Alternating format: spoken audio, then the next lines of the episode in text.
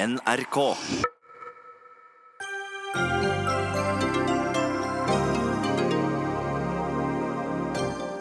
Fall, fall og atter fall i de internasjonale aksjemarkedene er det vi har sett de siste døgnene, bare begynnelsen.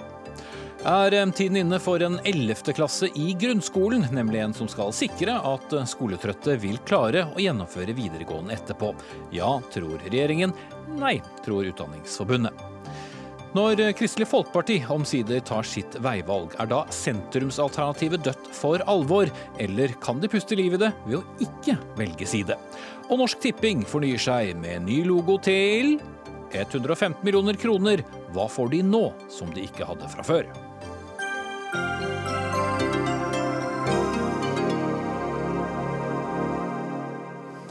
Sier vi god kveld og velkommen til torsdagens Dagsnytt 18 med Espen Aas, der vi også skal snakke om den forsvunne saudi-arabiske journalisten og regimekritikeren. Men la oss starte ved det som eh, så til de grader har dominert nyhetsbildet i dag. For eh, det raste på amerikanske børser i går, det raste på asiatiske børser i natt og i morgentimene, og det har rast på europeiske børser i dag, og jammen har fallet også fortsatt i USA i ettermiddag.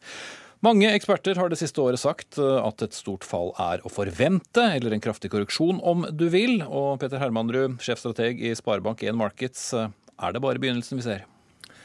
Eh, jeg håper ikke det, men jeg tror ikke det er så veldig langt unna at vi får større fall. Og det kan godt være at dette er starten på noe stort. Og hvorfor skjer det? Jeg tror det viktigste er at aksjemarkedet har ligget over fartsgrensen ganske lenge. Det har gått litt for fort, både i aksjemarkedet og i økonomien. Og det er veldig hyggelig når det går på, men, men på et tidspunkt så kommer bakrusen. og er det virker som den er ganske nær forestående. Mm. Og så I tillegg så har det det at i det siste har rentene økt en del, som kan være en utløsende årsak. Mm. Økonomikommentator her i NRK, Cecilie Langum Becker. Hvem er det dette går utover? Er det først og fremst investorene som er litt nervøse i dag? Ja, altså først og fremst, sånn, I første omgang så er det jo investorene som får merke det på sine porteføljer.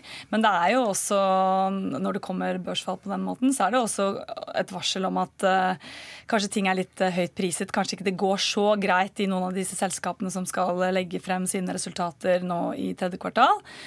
Så, så det, kan jo, det, kan jo, også ramme bedriftene. Og så er det jo 1,5 millioner nordmenn vel som sparer pengene sine i aksjefond. Og så har du i tillegg de som har pensjonen sin også delvis investert i aksjer. Så, så, hvis man skal på det ta sånn papirtap i dag, så er det jo en del som har kanskje fått merke det. Men eh, nå er jo både det å spare i fond og det å spare i pensjon er jo langsiktige investeringer. Så, så det, er, det, er, jo ingen som kommer til å merke det på lommeboken sin sånn akkurat i dag. Men det er vel mer en sånn langsiktig effekt eh, vi kommer til å se. Mm.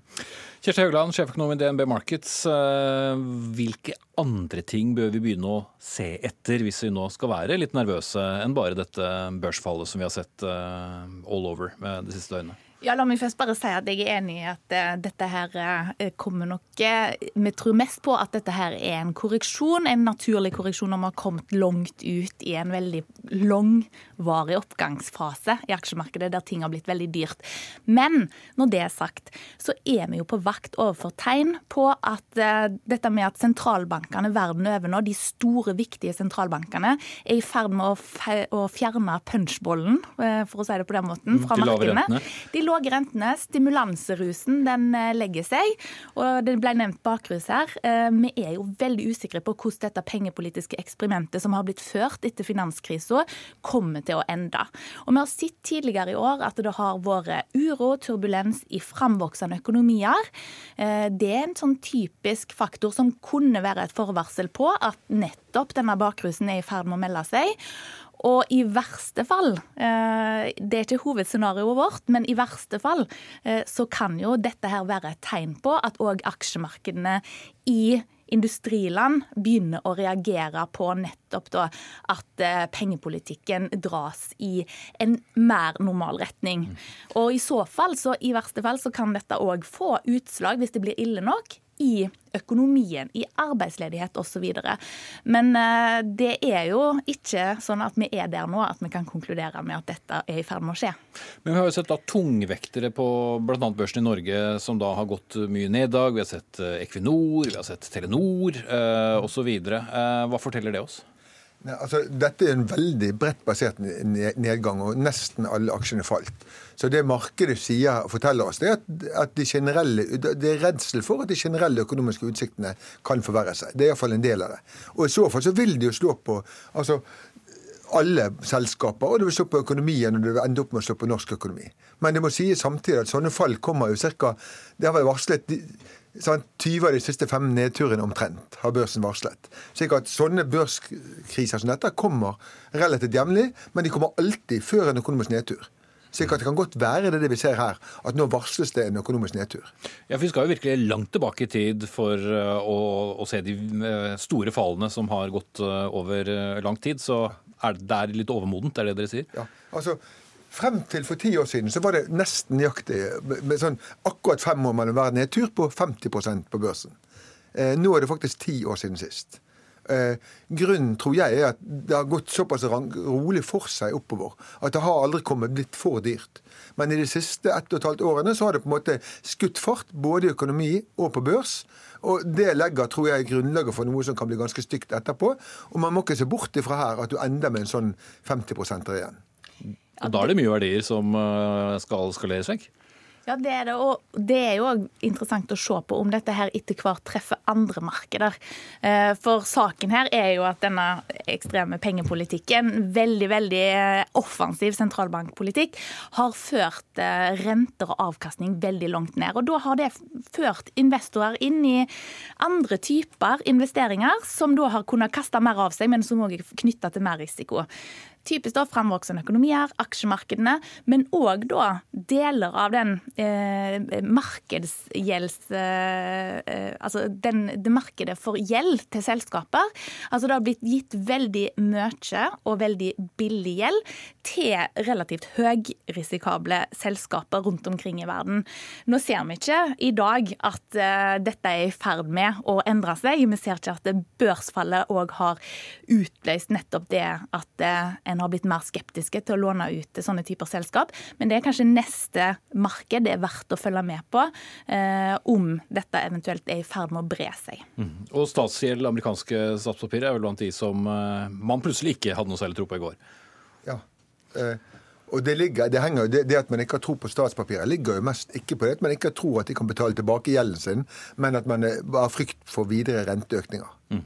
Eh, Lange Bekker, eh, hvis da eh, dette nå blir konsekvensen av at man setter ned, eller setter opp unnskyld, rentene på de forskjellige sentralbankene, betyr det at de må tenke seg om igjen, eller at vi må bare brette opp ermene og, og forvente oss litt tøffe år?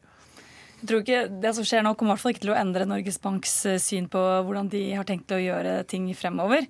Eh, men, men det, man kommer jo inn på et ganske viktig tema her, nemlig hva skjer hvis det kommer en ordentlig nedtur nå i verdensøkonomien når man ikke har noe tørt krutt igjen i noen sentralbanker. Eh, USA har jo begynt å sette opp rentene og har begynt så sakte å, å trekke inn stimulansene. Men, men, i Norge har vi jo akkurat begynt, og i Europa så har man jo ikke begynt ennå. Så hva skjer da hvis det kommer en en, en, ordentlig stor krise, det tror jeg er noe som bl.a. sentralbanksjefen her hjemme at det er noe av det som bekymrer han eh, mest. Og da har vi jo f.eks. handelskrigen, som jo som ligger der som en litt sånn uh, usikkerhet. Uh, vi så Trump i dag. Han bidrar jo ikke akkurat til å roe gemyttene og snakker jo ikke sånn veldig pent uh, om Kina. Så, så det, er jo, det, er jo, veldig mange usikkerhetsmomenter her. Og da, og, og da, som sagt, hvis det slår til, så, så, hva er det vi skal spille på da, egentlig? Det, det er det er noe vi kan kanskje bekymre oss litt for. Mm. Ja, for Hva skal man stimulere med når man ikke har noen flere rentenedsettelser å ta, annet enn kanskje en et kvart prosentpoeng her og der? I Norge er vi jo heldige, da, fordi der har vi fortsatt altså, en stor pengebinge eh, som vi kan kontre en nedtur med i finanspolitikken, via finanspolitikken. Vi har òg litt rente å gå på eh, før vi når den nedre grensa, så vi kan få noen rentekutt til å stimulere. Men det er jo klart at eh, som det blir sagt her, eh, Europa eh, står jo Europa ellers, altså kontinental-Europa, står jo i en veldig vanskelig situasjon. Har ekstremt lave renter og kommer ikke til å klare å kontre hvis det kommer nedtur nå. Og Det vil jo ramme Norge eh, via handelskanalen, fordi det er våre viktigste handelspartnere.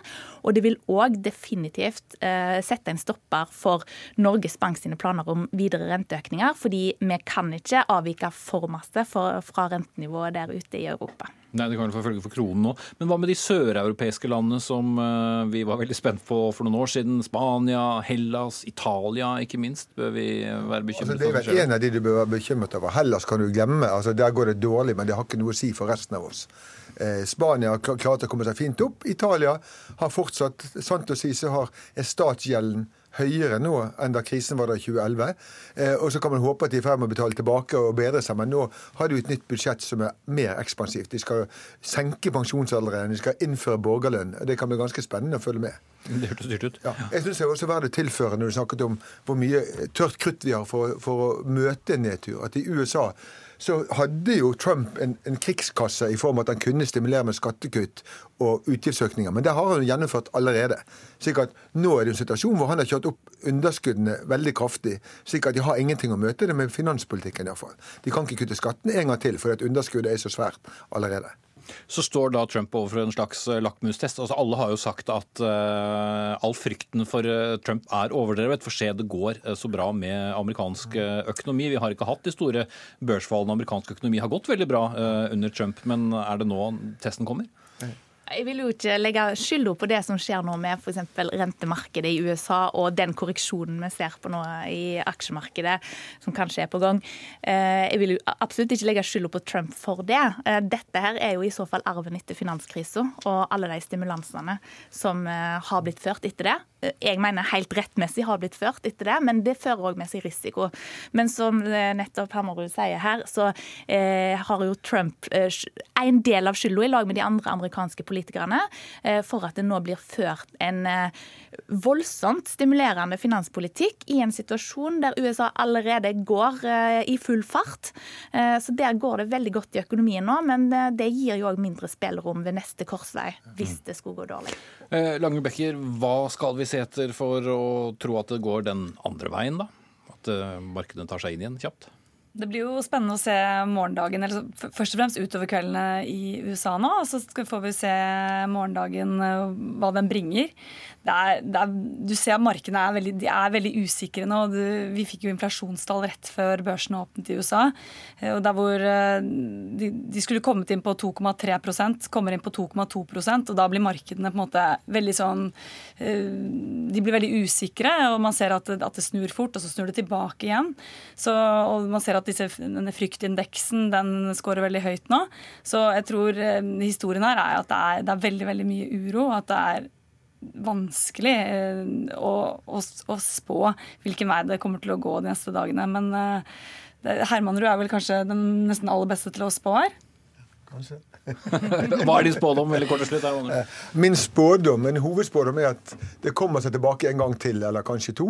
Eh, i denne omgang, men, men samtidig det er ikke så veldig mye oppsider i børsen. Det er ganske mye nedside. Så det betyr ikke at man skal kaste seg inn og kjøpe aksjer i dag. Mm. Jeg tror det blir veldig urolig noen uker til. Jeg tror tipper at vi skal lenger ned før det er ferdig, men jeg tror vi kommer tilbake. Ja. Lykke til, alle der ute. Takk til Petter Hermanrud, sjefstrateg i Sparebank1 Markets, Kjersti Haugland, sjeføkonom i DNB Markets, og Cecilie Langen Becker, økonomikommentator her i NRK. Dagsnytt 18 alle hverdager kl 18.00 på NRK P2 og NRK2.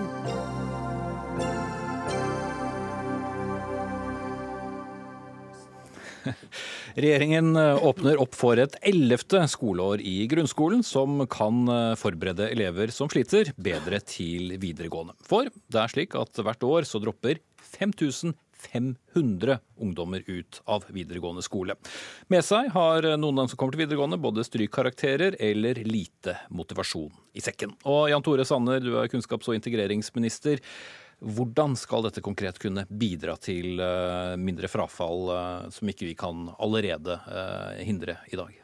Nå gjør vi veldig mye for å, eh, for å, forhindre frafall. Vi eh, fornyer skolen nå med fagfornyelsen tidlig innsats. Og det er jo fordi at elevene skal lære lese, skrive, regne, sørge for at de lykkes i, i skolen. Men så ser vi da at, eh, at hvert år så er det ca. 60 000 elever som går ut av ungdomsskolen. Av de 60 000 elevene så er det ca. 8000 elever som enten ikke har, får karakter, eller som har veldig lavt karaktersnitt. Det er høyt. Eh, 8000 er ganske mye. Eh, og av de igjen så vet vi at det er over 5000 som eh, har veldig liten sjanse for å fullføre og bestå videregående skole. Og det er det jeg sitter og føler på. At vi hvert år så sender vi tusenvis av ungdom inn i videregående skole som vi vet har små sjanser for faktisk å lykkes.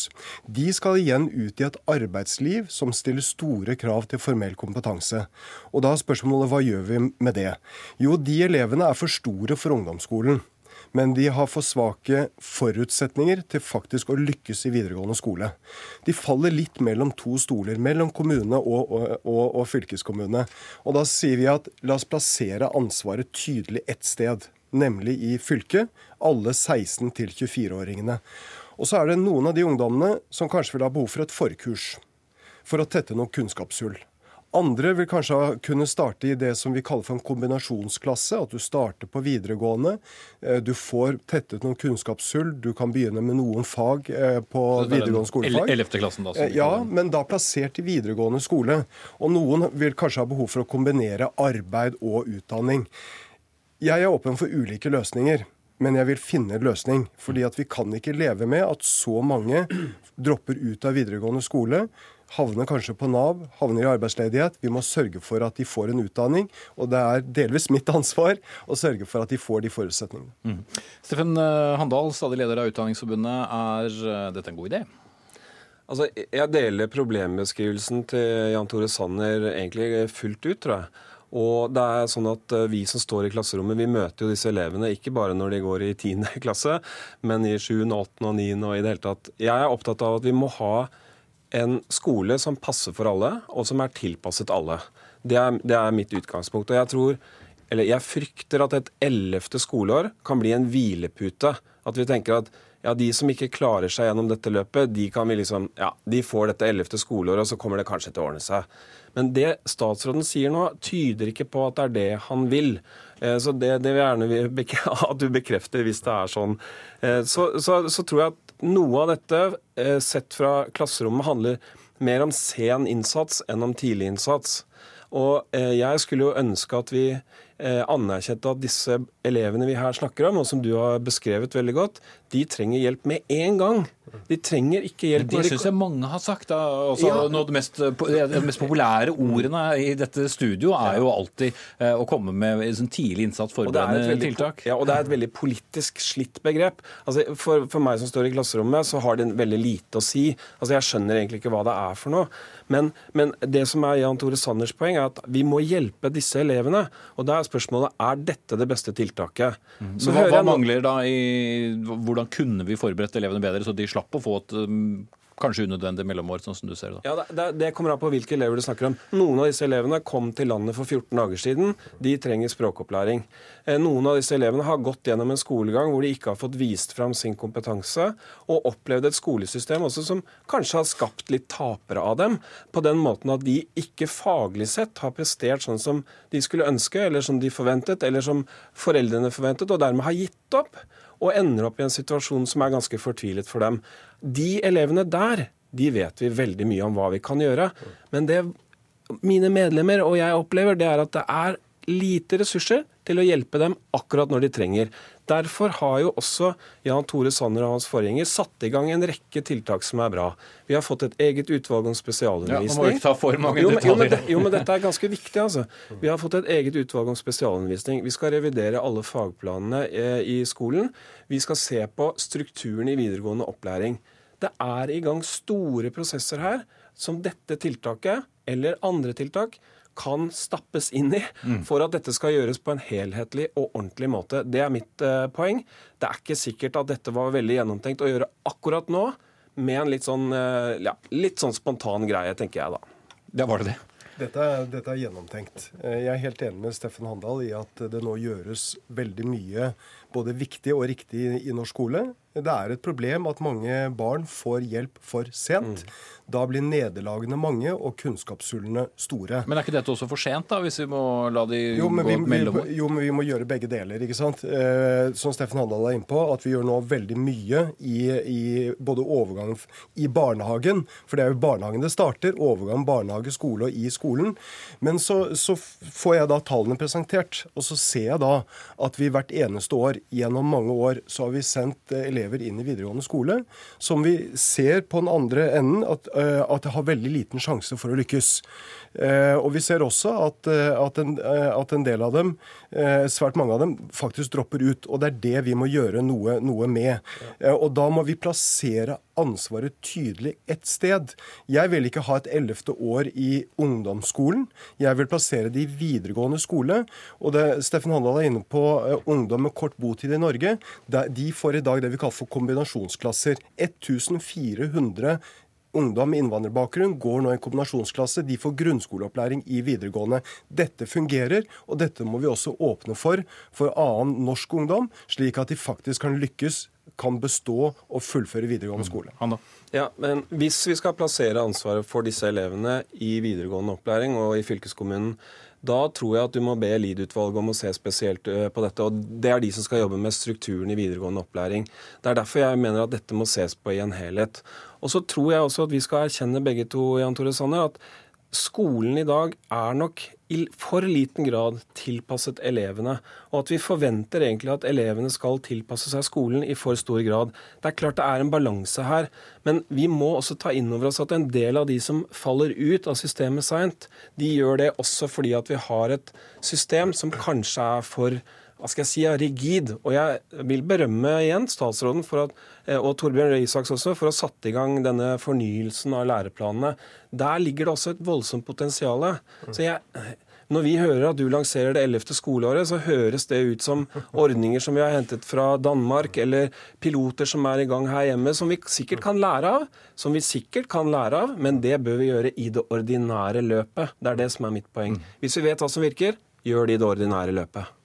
Ja, men Vi vet vel ikke helt hva som virker, da, siden vi stadig har disse tallene? Jo, men, eh, men, men, Steffen, nå har du uh, også hørt hva jeg, hva jeg sier. Mm. Uh, og jeg peker ikke på 11. skoleår som, som svaret. Nei, jeg, jeg, sier at, at, vi ser at en del elever går inn i videregående skole uten forutsetninger for å faktisk lykkes. Det er det mange, mange lærere som også påpeker. Eh, og så vil jeg plassere ansvaret et sted. Og så må vi nå se på hvordan er det vi da skal gjøre det. Noen fylker jobber godt med dette.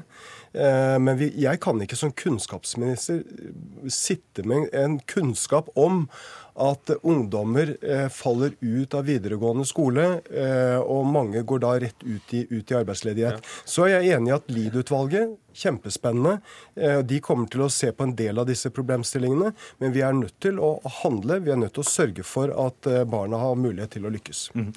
Får, du får karakter på det og andre initiativ, tror jeg, da etter hvert. For det skulle vel være da like enkelt å måle det som de tallene som dere har målt til nå. Takk til Jan Tore Sanner, kunnskapsminister, og Steffen Havdal, leder i Utdanningsforbundet.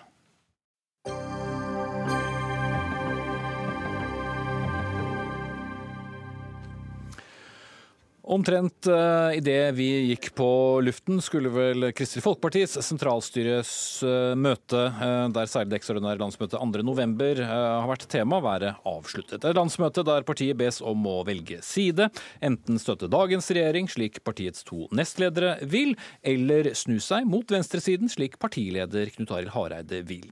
Men det er jo også en tredje vei, som bl.a. to stortingsrepresentanter har sendt inn forslag om, nemlig å bli der partiet er, utenfor regjering, på vippen. Og Erik Lunde, vararepresentant i sentralstyret til KrF. Du kommer fra dette møtet, der du har fast plass som møtende vararepresentant. Ble dere enige om hvordan det ekstraordinære landsmøtet skal gjennomføres nå? Ja, Det er ikke noen eh, særlig uenighet om hvordan eh, landsmøtet skal gjennomføres. Eh, så den type spørsmål er det ikke vanskelig å bli enige om. Men det er kanskje noen andre uenigheter?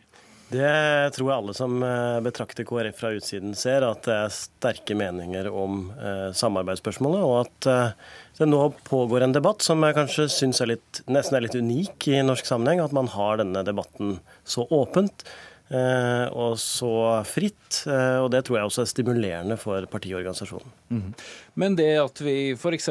ser uh, fremtredende stortingsrepresentanter skrive lesebrev om én ting, vi har i dag en nestleder, Kjell Ingolf Ropstad, som nærmest advarer mot at nå, hvis ikke vi mm, venner oss til regjeringen, så er dette alternativet Dette er jo så mye følelser i sving at det kan vel ikke kanskje bare være bra, eller? Jeg tror det er bra at vi får en uh, grundig debatt. Uh, for uansett hva slags uh, beslutning KrF skal ta på sitt ekstraordinære landsmøte, så kommer noen til å være skuffa. Og noen kommer til å være veldig glad. Men da er det i alle fall viktig at den beslutningen som fattes, er godt forankra, og at den har legitimitet. Og det tror jeg ikke vi hadde klart uten å ha en grundig og åpen debatt i forkant. Og det er det som skjer nå. Nå er det hundrevis av KrF-ere som møter opp på medlemsmøter og eh, partimøter over hele landet for å diskutere dette. Og eh, Rapporten vi får inn, er jo at det er veldig god stemning, eh, og at folk setter veldig stor pris på, på, å være med på å ta denne beslutningen. Mm. Politisk kommentator Magnus Takvam, ja, hvor viktig prosess er dette for Kristelig Folkeparti? Er selvfølgelig veldig viktig både for Kristelig Folkeparti og for resten av det politiske Norge. Eh, på kort sikt avgjør jo dette eh, hvilken regjering som eh, landet skal ha framover. Fortsatt Solberg-regjering eller en Arbeiderparti-ledet regjering. Så det ligger masse politisk drama her. Mm.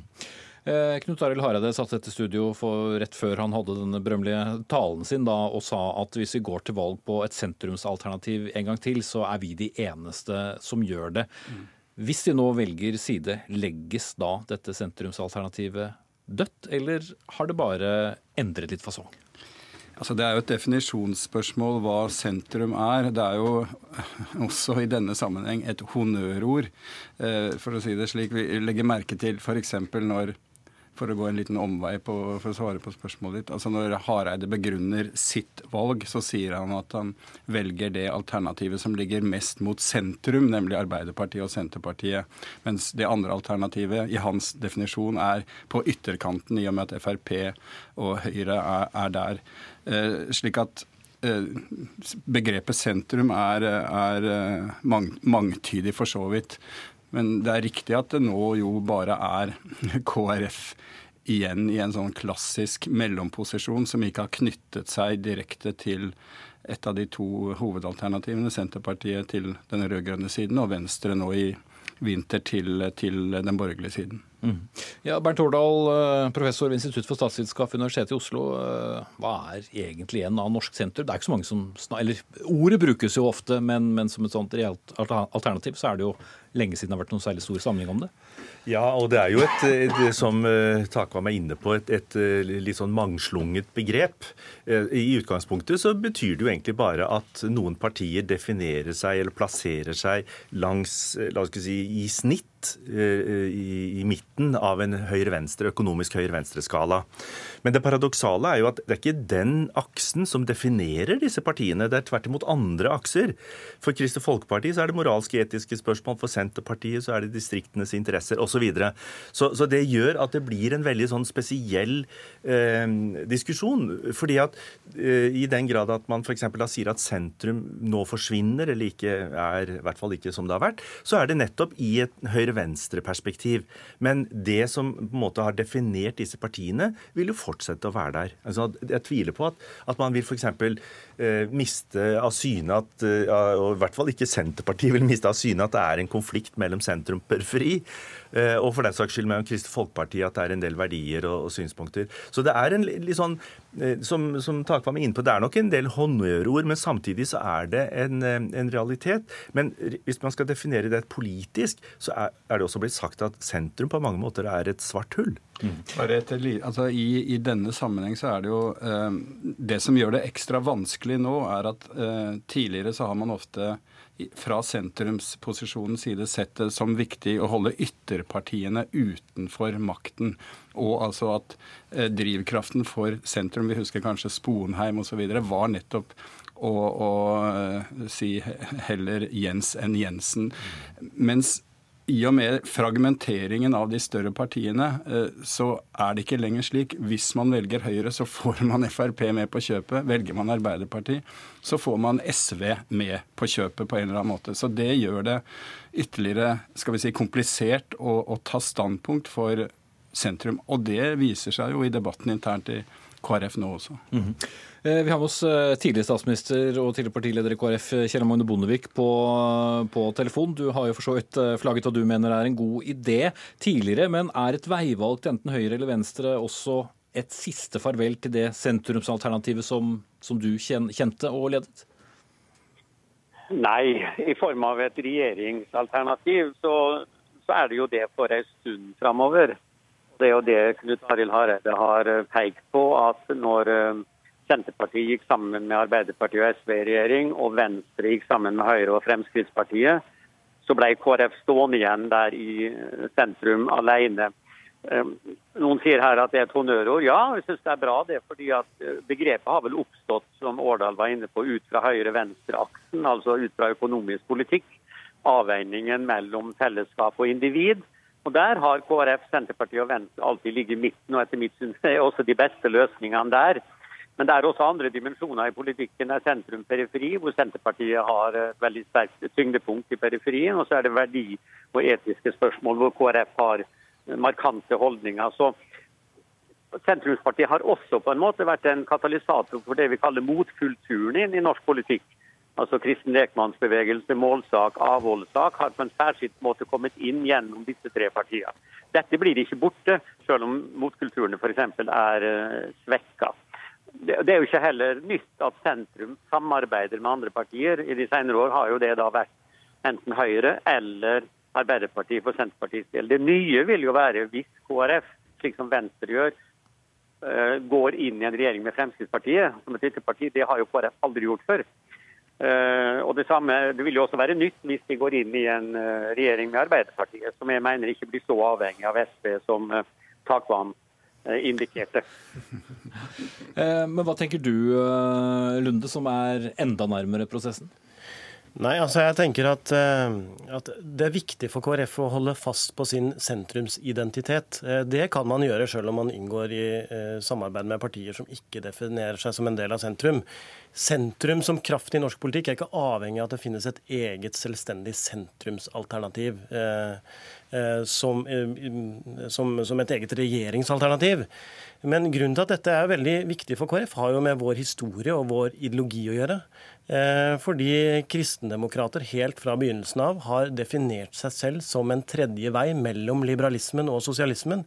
Derfor har kristendemokrater og kristendemokratisk ideologi en veldig klar brodd både mot den type liberalisme man ser i noen av dagens regjeringspartier, men også en klar brodd mot eh, sosialisme og det, eh, den ideologien som ligger til grunn for deler av venstresida. Eh, så for KrF er jo det ekstremt viktig da, å ikke miste den identiteten, fordi det går jo rett og slett på forståelsen som kristendemokratisk parti løs. Og Derfor så er, tror jeg begge sider i denne debatten også er opptatt av nettopp det.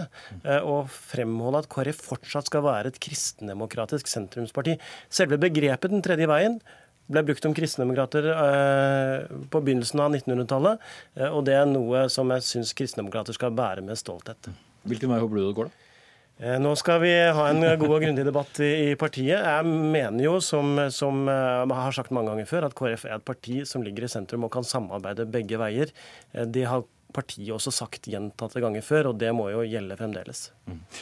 Men uh, Årdal og, og Takvam, som dere var litt uh, inne på, på tidlig, så er jo det nye med dynamikken at du har ytter, ytterpunktene på høyre- og, og, og venstresiden.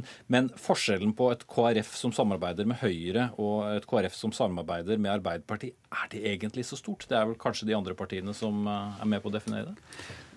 Ja, altså, Jeg tror at uh, f.eks. Knut Arild Hareide og de som er tilhengere av hans forslag om linjevalg nå, vil kunne si at eh, altså For det første ligger eh, en strategisk tenkning bak om å modernisere, eller skal vi si tenke på hva KrF skal være i framtida bak det som nå skjer.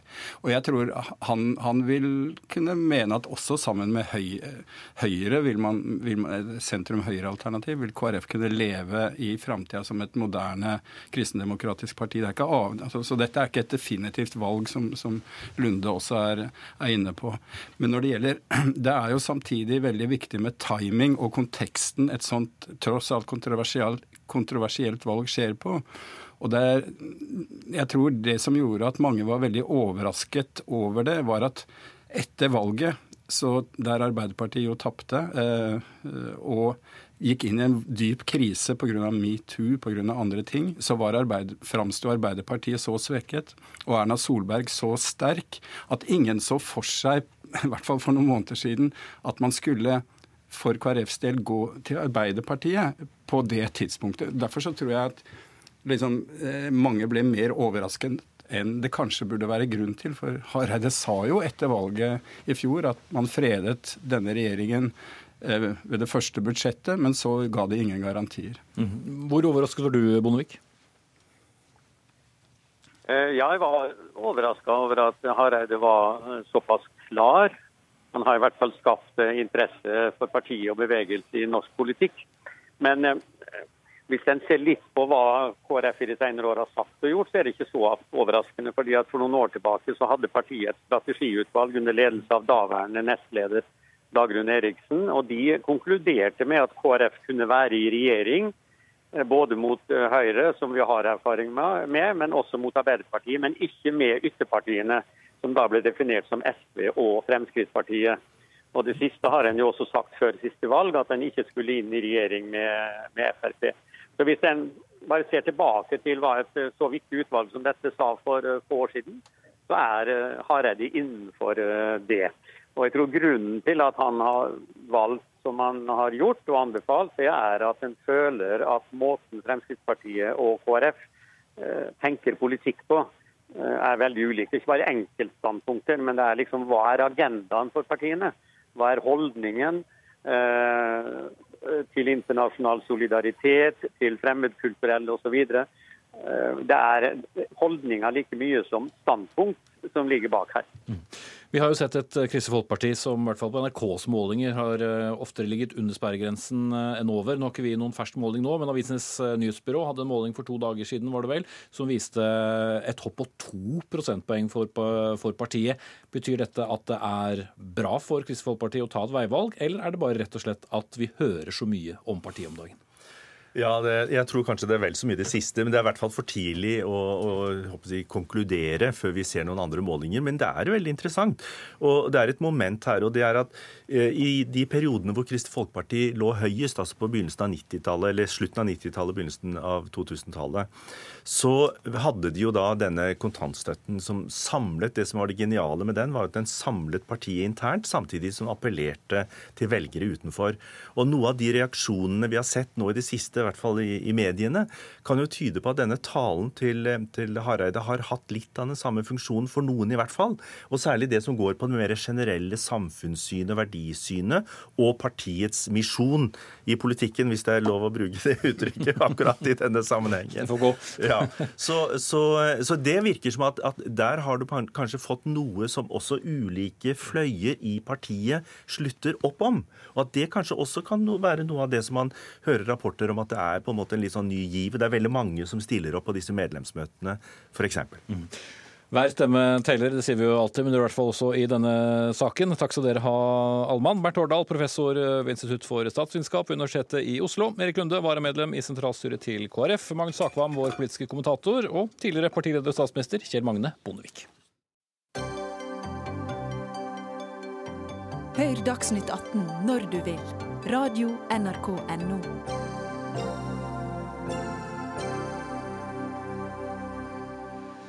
Norsk Tipping har føyd seg inn i rekken av statseide selskap som har bestemt seg for å fornye seg. Selskapets karakteristiske logo i form av et kryss med fargene gult, blått, grønt og gult har blitt designet på nytt til et litt annerledes kryss i fargene gult, blått, grønt og gult, men altså fortsatt et kryss. Og så vidt forstår er prislappen på det som har skjedd og skal skje, 115 millioner kroner. Og Leif Welhaven, sportskommentator i VG, da grep du eh, tastaturet. Eh, hvorfor det?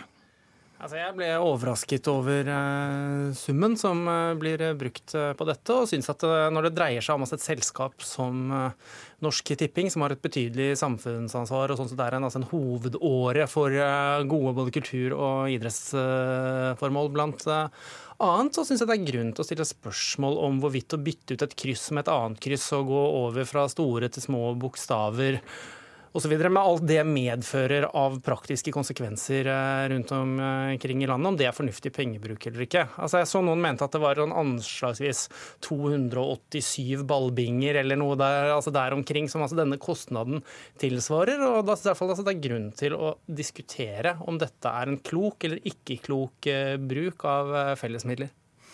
Ja, da er det store spørsmålet. Brochmann, hva er det dere vinner i Norsk Tipping på å gjøre dette som dere ikke hadde fra før? Jeg syns det er bra at det blir stilt spørsmål, som Welhaven gjør her. Det man må huske, er som Welhaven sier, at uh, Norsk Tipping forvalter et samfunnsoppdrag fra storting og regjering. Vi skal ha attraktive spill i trygge rammer, og der hele overskuddet går tilbake til gode formål. Så Hvorfor vi, er dette viktig i tillegg? Jo, for vi må ha en merkevare som hele tiden er relevant og moderne. Vi har ikke gjort noe med tippekrysset på 17 år nå lever vi i en digital verden. Eh, det å kunne bruke en logo på digitale flater, det at vi også skal være litt Men det kunne dere ikke gjøre med det forrige? Nei, det forrige var veldig statisk med den blå bakgrunnen. og også det litt traust og ikke veldig moderne. Sånn at dette er en investering så vi skal kunne levere mye penger til frivilligheten også framover. Men det genererer det da noe mer inntekter, da, hvis dere skal bruke 115 millioner på å rulle ut eh, det nye krysset? Altså summen, og Jeg skjønner at man stiller spørsmål med det, men jeg er helt sikker på at den investeringen vil bidra til at vi skal levere godt også framover til både idrett, kultur og humanitære organisasjoner. Og hoveddelen av kostnaden ligger i at vi har nesten 4000 kommisjonærer rundt omkring i hele Norge. Og det å skulle da få ny design der ute er også viktig, for det er viktige markedsplasser. I tillegg til det vi gjør på digitale flater. Hvem er det dere da konkurrerer eh, mot, som dere trenger å vise dere nye og digitale overfor? Det er jo viktig at vi sier vi skal begeistre en ny generasjon. De også under 40. Nå i de siste årene har vi virkelig klart mer enn en fjerdedel av kundene våre er under 40 år. Og det at de ser på oss uh, som attraktive. Omtrent halvparten av kundene våre benytter oss på mobil og digitale flater. Den andre halvparten går til kommisjonærene. Og da er det viktig at vi er både lekne og attraktive. Og dette er ikke bare selve tippekrysset, men også hvordan vi kan ta det ut uh, visuelt. Og det vi må huske, er at uh, tippekrysset er kanskje en av de mest ja, kjente symbolene i Norge. Og det er viktig at vi forvalter og utvikler den på en god måte. Her sliter jeg litt med å få altså, resonnementet til å henge sammen. For altså, det ble jo gjort et stort poeng fra Norsk uh, Tipping av at det var vel 90 av disse 115 uh, eh, millionene er da altså knyttet opp til uh, ulike former for tiltak, skilting og utstyr osv. rundt disse nærmere 4000 utsalgsstedene. Spørsmålet er hvem er det som benytter disse utsalgsstedene? Er det de unge der du faktisk skal satse? Jeg vil våge altså, den hypotesen at de som velger å gå til kommisjonær, neppe er, er de yngste, neppe er kjernemålgruppen. Og da er liksom spørsmålet om majoriteten av denne satsingen sånn at det er rettet der hvor skoen trykker. Og jeg har prøvd å undersøke så godt jeg kan for å finne noe holdbar empiri hva gjelder altså, effekt av denne type logoendring. Kost-nytte-analysen. Jeg sliter sånn sett med å finne god nok dokumentasjon på at slik som dette faktisk virker. Og spørsmålet er da, får du virkelig noe reelt igjen, eller blir det altså litt for mye av dette litt sånn pynt og fjas som du ikke vet om egentlig virker eller ikke?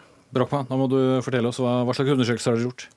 Jo, Vi har jo testet ut dette eh, opp mot kundene våre, både eksisterende kunder og yngre kunder. Og gjenkjennbarheten opp mot Norsk Tipping er veldig tydelig. Det at vi må gjøre det i både de digitale flatene og der ute, er jo viktig fordi Halvparten av kundene våre er på digitale flater, og halvparten er ute i, hos kommisjonærene. Og vi syns vi har fått til et spennende uttrykk, og er stolte over den nye logoen vår. Så skal jeg få rettet opp at det selvfølgelig er Åsne Havnelid vi har i studio, ikke jeg som blingser på uh, papirene her. Men uh, det som Welhaven stiller spørsmålet, for du sier vel egentlig to ting. Det ene er at uh, dere vil gjøre Norsk Tipping attraktive for de unge, men hovedutgiften handler om å bytte ut altså å oppjustere og oppruste kommisjonærene. Hvordan henger det sammen? Det er vel ikke så mange under 40 som kommer med tippelappen ferdig utkrysset? Nei, når man bytter en logo, det blir litt som eh, den gangen Statoil gjorde en endring. Og, og hvis de bare skulle gjøre det ett sted og ikke ute på alle stasjonene. Nå er det jo andre som eier stasjonene. Men det må henge sammen. Når du skal ha en merkevare og forvalte den, så må du gjøre det på alle flater. Og det er sånn at eh, Norsk Tipping i fjor leverte vi 5,2 milliarder tilbake til gode formål. Idrett, kultur og humanitære organisasjoner. Halvparten av de kommer fra kommisjonærdelen, og halvparten kommer via mobil og andre. Og da må vi gjøre det begge steder for å forvalte det samfunnsoppdraget vi er satt til. Ja, Det er iallfall altså, i tilfelle en uh, kostbar vurdering hva gjelder å skulle være uniformert. Og jeg er liksom ikke helt sikker på om det skiltet på tippekiosken på Skreia, om det krysset ser sånn eller slik ut, om det er det som sånn sett gjør om Norsk Tipping er bærekraftig framover i tid. Jeg må også si en siste ting, at Ute hos kommisjonærene våre er det også veldig mye digitale flater. Og Hvis du da har ett skilt som ser sånn ut på veggen, mens alt av det digitale som er av skjermer og andre ting, har et annet uttrykk, så blir det forvirrende for kunden. Men da vil sikkert Welhaven si at uh, hvis dere bare hadde beholdt den gamle logoen, så hadde dere jo sluppet det? Ja, men da tror jeg ikke vi ville gått inn i en ny digital tid uh, på en god måte. Vi har tro på dette, men jeg syns det er greit at vi stiller spørsmål rundt det. Ja, Da får kundene deres i hvert fall sette seg ned og lære seg den nye logoen, så de finner frem enten digitalt uh, eller til tippekiosken. Takk skal dere to ha. Åsne Havnerid, administrerende direktør i Norsk Tipping, og Leif Welhaven, sportskommentator i VG.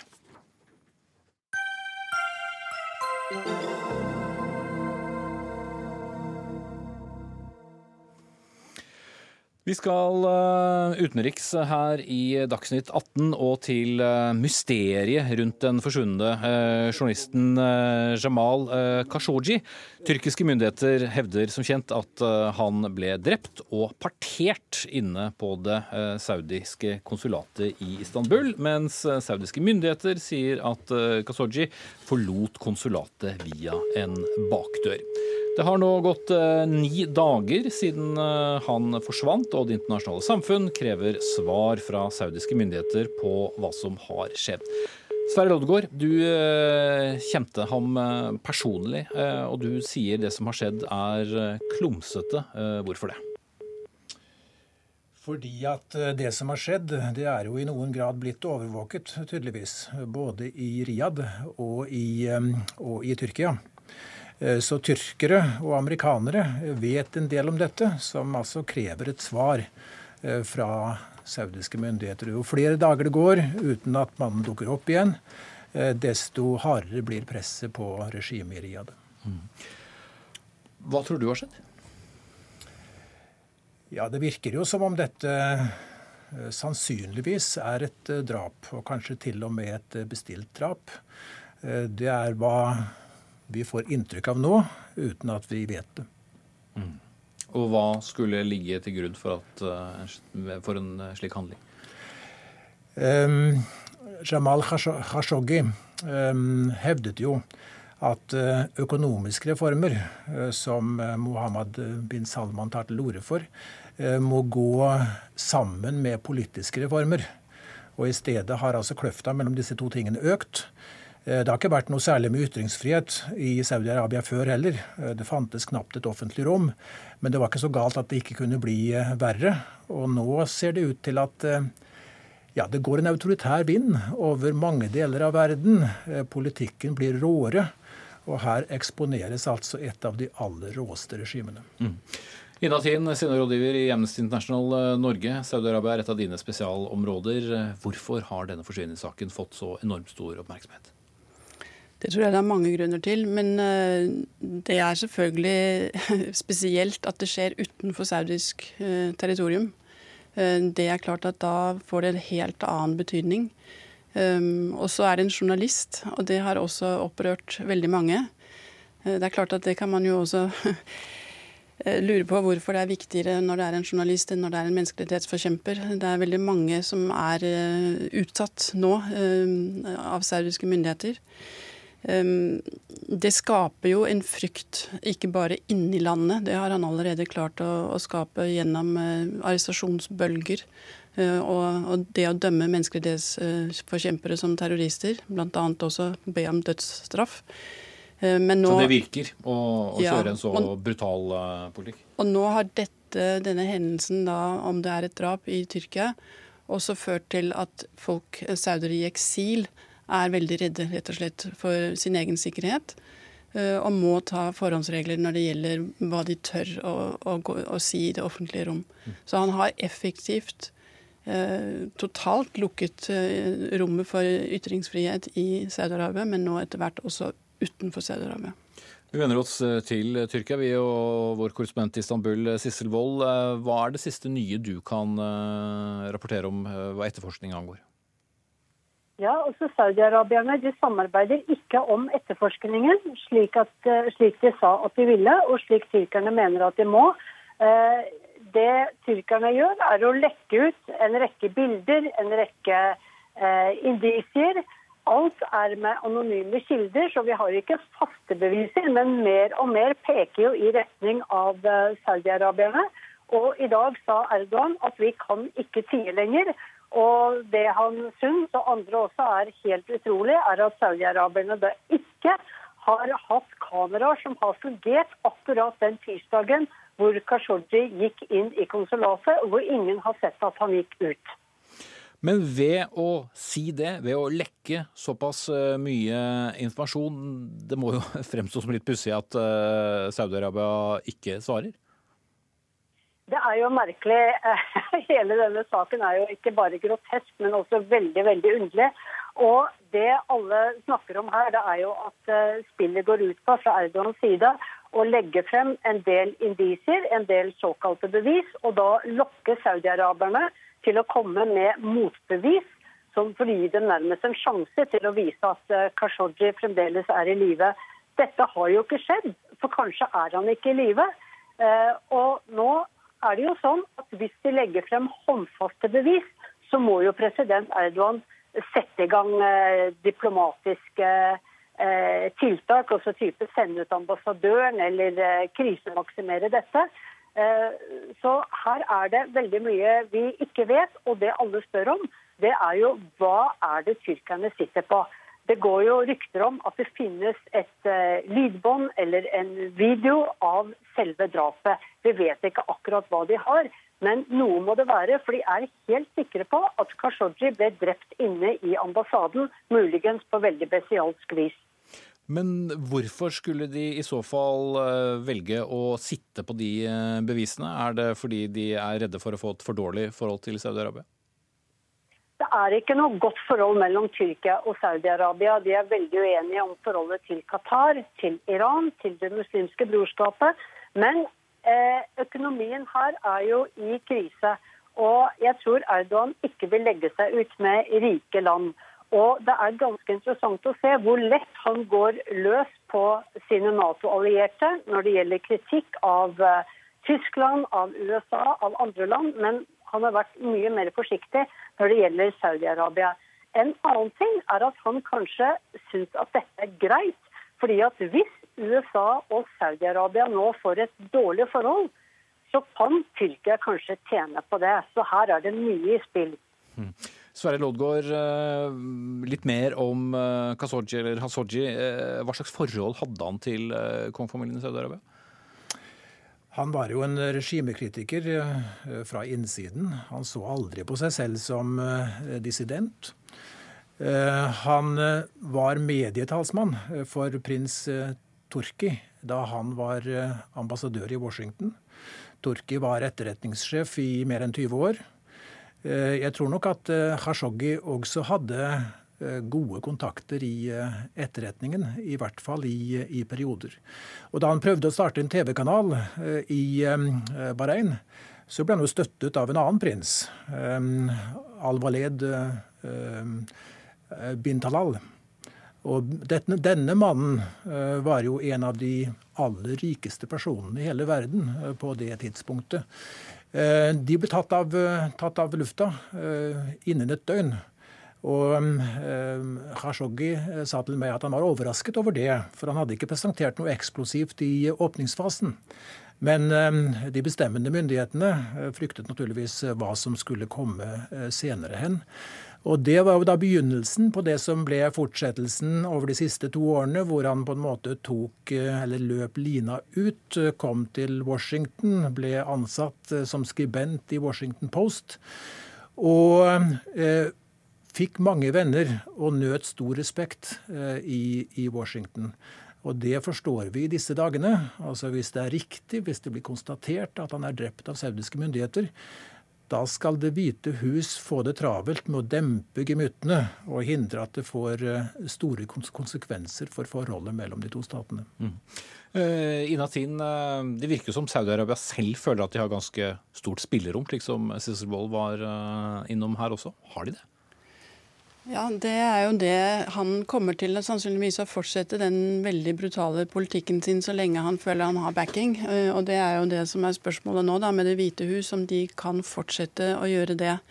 Ehm, det er en veldig delikat sak for, for alle parter, eh, men jeg tror dessverre at han er en, en eh, eneveldig hersker som ikke er vant til å bli motsagt. Som, hva, hva vet vi om han? Ja, han er eh, den yngste kronprinsen noen gang, og han kan komme til å komme på tronen. Hans far, kongen, eh, kong Salman, han er veldig gammel og veldig syk, så han kan dø raskt. Og da kan Mohammed bin Salman, som i dag bare er 33 år gammel, komme til å bli den lengstsittende monarken i, i saudisk historie. Um, så vi må nok venne oss til ham hvis han ikke blir utsatt for et attentat. Uh, han er jo ikke, tror jeg, veldig populær i noen kretser innad i kongefamilien. Men han er en av de få, kanskje, som uh, har fått maktposisjoner i Saudi-Arabia som ikke har utdannelse fra utlandet. Det var faktisk moren hans som uh, underviste ham, har han selv fortalt. Og han benyttet ungdommen til å spille krigsspill på sin PC. Um, så han er en uerfaren leder som altså har fått en sinnssyk sterk maktposisjon veldig fort. Eh, og han tåler ikke å bli motsagt. Eh, og han er etter mine vurderinger en veldig farlig eh, spiller i Midtøsten. Han er veldig undertrykkende for sin egen befolkning, og han driver en veldig aggressiv utenrikspolitikk. Det var han som sto bak krigen i Jemen og konflikten med Qatar, og nå trapper han opp rivaliseringen med Iran. Så han er farlig. Mm.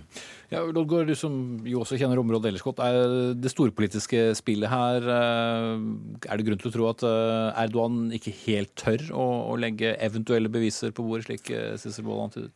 Ehm, jeg tror nok den analysen er korrekt, at han tar hensyn til forholdet til Saudi-Arabia, fordi at dette er et rikt land og økonomien i Tyrkia er i knipe.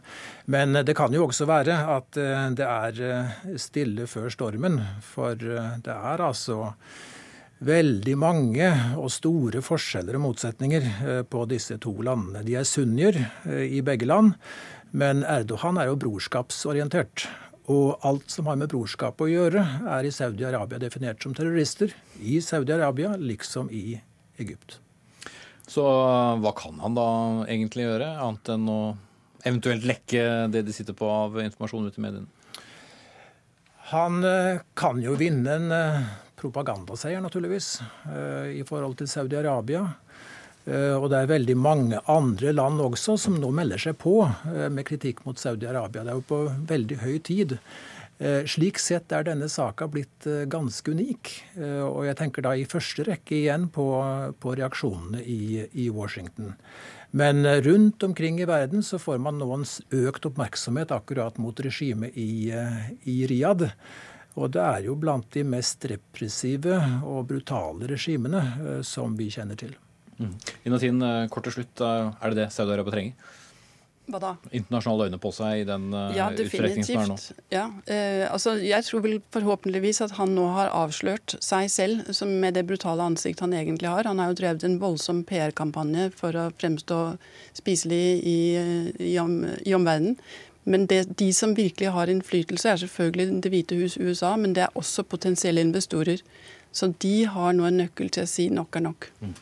Da sier vi takk til dere, Inatin, seniorrådgiver i Amnesty International, Sverre Loddgaard, seniorforsker eh, hos NUPI, og også Sissel Wold, vår korrespondent eh, i Istanbul. Og da er det som det er på den tiden. Dagsnytt 18 er over. Ansvarlig for sendingen det var Odd Nytrøen. Lisbeth Sellereite hadde det tekniske ansvaret. Og jeg heter Espen Aas. Vi ses i morgen.